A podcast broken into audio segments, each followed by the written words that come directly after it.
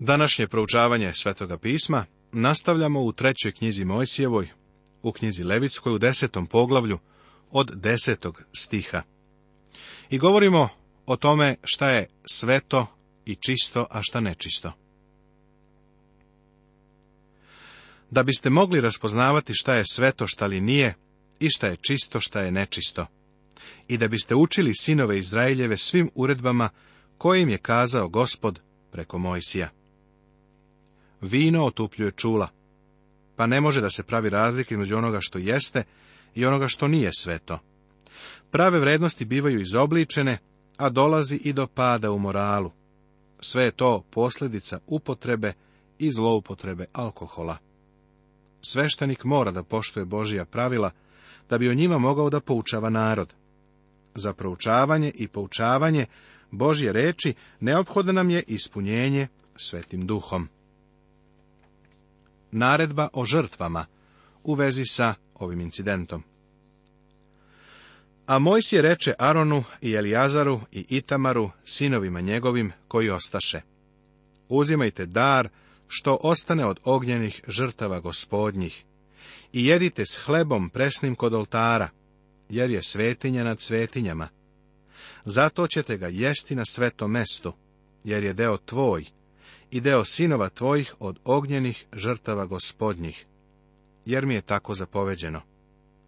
A grudi od žrtve obrtane i pleće od žrtvi podizate, jedite na čisto mestu. Ti i sinovi tvoji i kćeri tvoje sa tobom, jer je taj deo dan tebi i sinovima tvojim od zahvalnih žrtava sinova Izraeljevih. Pleće od žrtve podizane i grudi od žrtve obrtane donosit će se sa salom što se sažiže, da se obrne tamo i amo pred gospodom, i bit će tvoje i sinova tvojih s tobom zakonom večnim, kao što je zapovedio gospod. Mojsije ponavlja zapovesti koje se odnose i na žrtvu paljenicu i na žrtvu zahvalnu, pomirnu.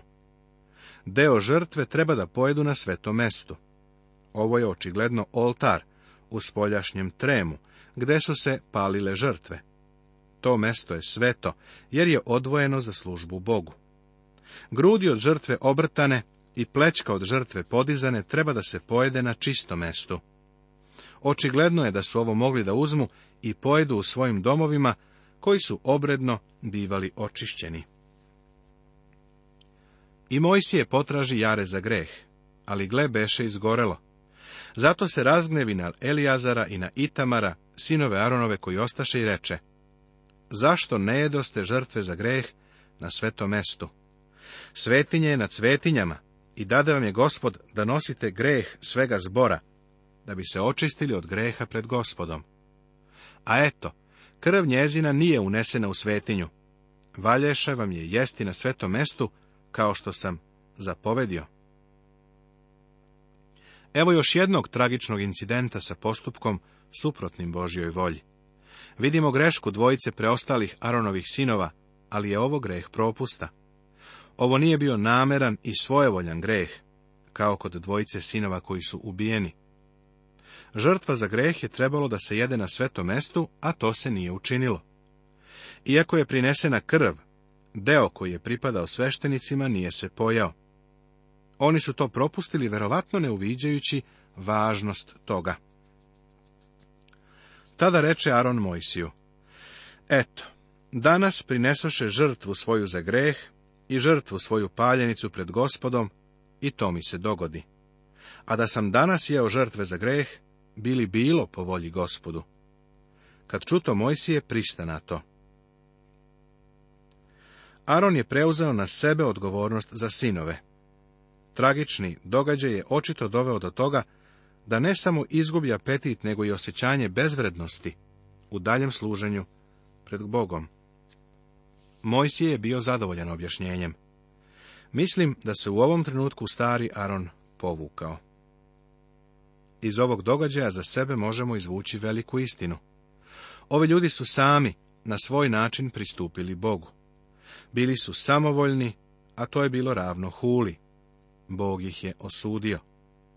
Mene danas ljudi pitaju da li je pogrešno ako pripadaju crkvi koja poriče Hristovo božanstvo.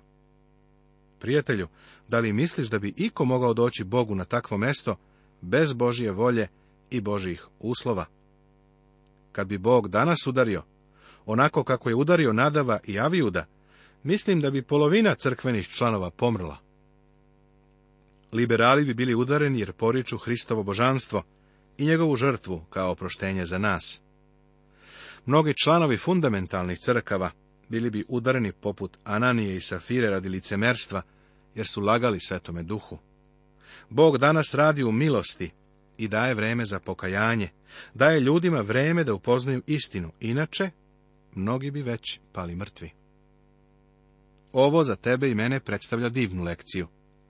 Kada dolazimo Bogu, moramo mu doći pod njegovim uslovima. To nije aranžman koji možemo sami da napravimo, ne stvaramo mi pravila. Bog spasava, pa on i kaže ko će i kako biti spasen. Isus Hristos kaže da niko ne dolazi ocu, osim kroz njega. Poglavlje 11. Tema Ishrana Božjeg naroda i onečišćenje kontaktom.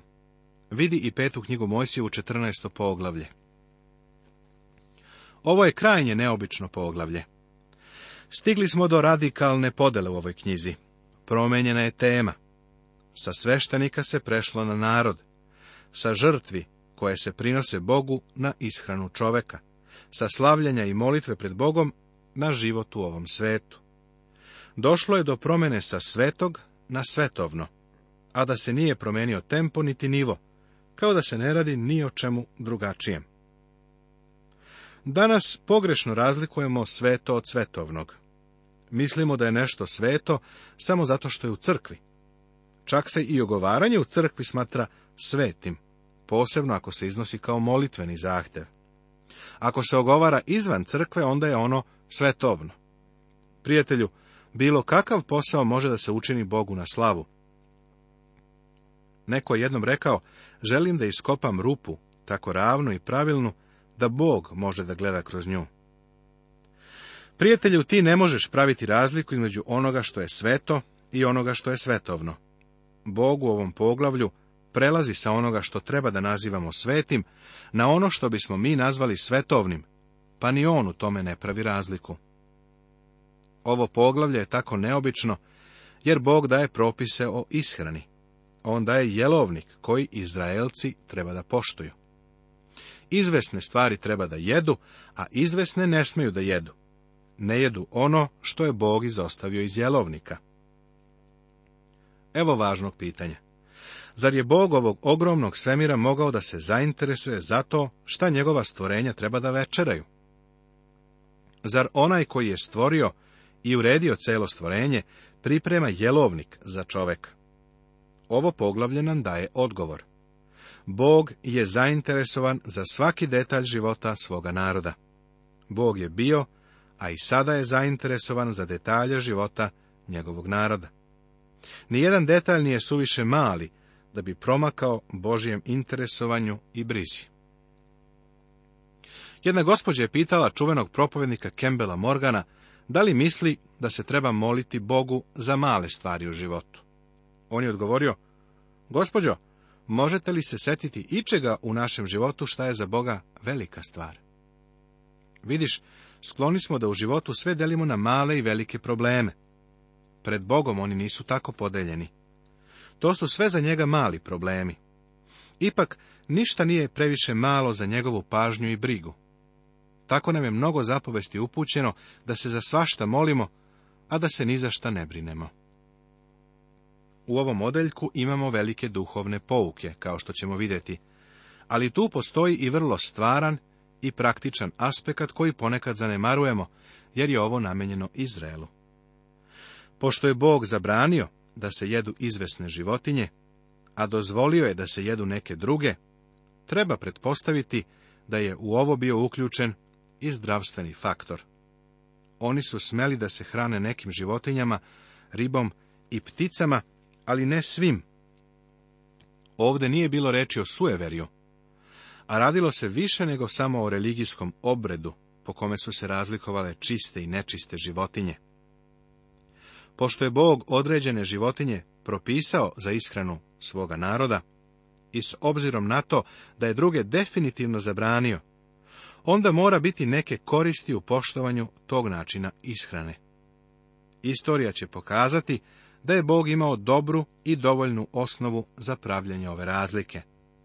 Naravno, istine je i to da je Bog mogao da deluje i na proizvoljan način pri postavljanju ovih granica razdvajanja između čistih i nečistih životinja. Ipak, Bog je kao i obično delovao u korist dobra svoga naroda. Da li istorija pokazuje da je tako i u ovim pitanjima? Pa zanimljivo je da znamo da životinje koje su bile zabranjene za ishranu, da su bile baš one koje su se hranile nečistom hranom. Životinje zabranjene Mojsijevim zakonom su podložnije bolestima. Dozvoli mi da citiram drugog propovednika, doktora Keloga. Jedno od najvećih otkrića moderne nauke jeste činjenica da veliki broj bolesti kojima su životinje podložne jesu posljedica prisustva nižih oblika parazitskog života. Ovim bolestima su naročito izložene one životinje koje se nečisto hrane, a one koje se ne hrane skoro uopšte nisu. Sledeće skorašnje otkriće, koje nije ništa manje važno u odnosu na pitanje koje pokreće ovo poglavlje, jeste sada potvrđena činjenica da mnoge ove parazitske bolesti su zajedničke i ljudima i životinjama i mogu se sa životinja prenositi na ljude i obratno. On zatim navodi spisak parazita trihine u svinji, difterije u čurki, sakagije u konju. Ovo su samo primjeri. Mojsije naravno nije razumeo ove bolesti, a zasigurno ih ni lekari u Egiptu nisu poznavali. Ali Bog je znao. Bog je napravio ovu razliku između onoga što je čisto i onoga što je nečisto. Da li je to delovalo u istoriji? Svakako da jeste. Poslušaj izjavu doktora Noela de Masija, koju je saopštio Parijskoj medicinskoj školi 1885. godine. Ideja o parazitskim i infektivnim bolestima, koja je dobila istaknuto mesto u modernoj patologiji, izgleda da je bila vrlo zaokupila um Mojsija i da je dominirala svim higijenskim propisima. On je iz jevrijske ishrane izbacio životinje koje su posebno podložne parazitima, a pošto u krvi kruže mikrobi i spore infektivne bolesti, on naređuje da iz životinja mora da isteče krv pre nego što se pripreme za ishranu. Kako je mojsi ovo znao? mojsi ovo uopšte nije znao, ali mu je Bog rekao. Ponovo citiram doktor Keloga. Čak i u davno vreme, kada je kuga pustošila Evropom, jevreji su generalno izbegli infekciju, pa se zbog njihovog izuzetka javilo popularno uverenje koje je preraslo u bes, a kroz koje su oni bili optuženi da su među svojim susedima neznabošcima izazvali strašnu smrtnost trovanjem njihovih bunara i izvora. Profesor Hosmer je napisao sljedeće. Tokom celokupne istorije Izraela pokazana je mudrost drevnih zakonodavaca u vezi sa ovim. U doba kuge, jevreji su trpeli mnogo manje od drugih, a što se tiče dugovečnosti i opšteg zdravlja, oni su u svakom dobu bili vredni pažnje, a u sadašnjem vremenu, u firmama koje daju police životnog osiguranja, kaže se da je život jednog jevrejina mnogo vredniji od života ostalih ljudi ili poseda. Dr. Berenc također izjavlje, u Pruskoj prosečni životni vek jevrejina je pet godina duži nego opšte populacije. Naravno, jevreji danas krše ova pravila o ishrani, pa se jaz zatvara. Nekada je bilo vreme kada je život jevreja bio duplo duži od života njihovih suseda neznabožaca. U ovome za nas možemo pronaći neke pouke. Skloni smo da osudimo Izraelce što na fizičke telesne stvari stavljaju takav akcenat, dok propuštaju duhovnu pouku. Istovremeno, mi smo skloni da tako jak akcenat stavimo na duhovno, a telesno potpuno ignorišem. Hrišćanin ne bi smeo da zanemaruje svoje telo, i to kroz hranu koju jede, ne bi smeo da svoje telo zloupotrebljava, nego da se stara o njemu. Hrišćanin treba da ima na umu da je njegovo telo šator gospodnji i sam hram svetoga duha. To što je nešto telesno, ne znači da nije i duhovno. U isto vrijeme, vrlo jasno i određeno nam je danas rečeno da možemo jesti sve što želimo. Ako želiš da jedeš zvečarku, možeš. Nema duhovne vrednosti u tome da neku hranu jedeš ili ne jedeš. U stvari, kada hrani tako pristupa što je sujeveri. Hajde da pogledamo nekoliko stihova iz Svetog pisma koji se odnose na ovo. Znam i uveren sam u gospodu Isusu da ništa samo po sebi nije pogano, samo onome koji smatra da je nešto pogano, njemu je pogano, kaže poslanica Rimljanima, 14. poglavlje, 14. stih. Jelo, međutim, neće nas postaviti pred Boga. Niti šta gubimo ako ne jedemo, niti mnogo dobivamo ako jedemo, kaže prva poslanica Korinčanima, osmo poglavlje, osmi stih. Jela su za trbuh, a trbuh za jela, a Bog će uništiti i jedno i drugo, kaže prva Korinčanima u šestom poglavlju, 13. stih. Ako dakle jedete, ako pijete, ako ma šta činite, sve činite na slavu Božiju. Uputstvo je iz prve poslanice Korinčanima iz desetog poglavlja 31. stiha. Treba da istaknemo da je proždrljivost strogo zabranjena, a odmerenost ili samo kontrola jeste zapovest za vernika koji živi pod milošću. Pregled Svetost u svakodnevnom životu Poglavlje 11. do 22. Hrana za Boži narod, poglavlje 11. Čiste i nečiste životinje na zemlji, stihovi od prvog do osmog. Čista i nečista bića u vodi, stihovi od devetog do 12. Čista i nečista bića koja lete u vazduhu, stihovi od 13. do 19. Čisti i nečisti gmizavci na zemlji, stihovi od 20. do 23. Kontakt sa lešinama nečistih životinja, stihovi od 24. do 38 kontakt sa lešinama čistih životinja stihovi 39. i 40. Zagađenost gmizavcima stihovi od 41. do 45. Klasifikacija čistog i nečistog koju je načinio sveti bog stihovi 46. i 47. Čiste i nečiste životinje na zemlji. I reče gospod Mojsiju i Aronu govoreći im, Kažite sinovima Izraeljevim i recite, ovo su životinje koje ćete jesti između svih životinja na zemlji. Bog povlači jasnu liniju razdvajanja između svetlosti i tame, noći i dana, dobrog i lošeg, čistog i nečistog. Pritom Bog pravi razliku između svetlosti i tame. Njegova je namera da izoštri čovekovu sposobnost za opažanje razlike, da bi čovjek postao osjetljiv na razlike koje je Bog postavio. Bog želi da čovjek voli ono što je dobro, a da mrzi ono što je loše. Sadašnje vrijeme svedoči o tome da otupljuje čovekova sposobnost za razlikovanje ispravnog i pogrešnog i dobrog i lošeg. Čovek se trudi da sve stavi u sivu zonu amorala. Bog pravi ove razlike da bi čoveka, radi očišćenja i oproštenja, doveo do oltara i Hristove prolivene krvi. Bog stvara i postavlja pravila. Neko se pita kako znaš šta je dobro. Odgovor je da je ispravno ono što Bog kaže da je ispravno. Ovo je njegov svemir. Znaš li ikakva bolja pravila od onih koje je on postavio? On je postavio pravila za fizičko carstvo. Želiš li da prkosiš zakonu gravitacije i da odskočiš sa zemlje? To je vrlo skup poduhvat, koštaće te milione dolara. Našu vladu je ovo u dugove, pa će i tebe. Bog ulazi u oblast svakodnevnog života, a ništa nam nije bliže od onoga što se jede. Bog izjavljuje da je nešto čisto, a nešto nečisto. Čoveka treba podsjećati da živi u svetu prepunom greha. Čovek mora da nauči da izabere dobro i odbaci zlo.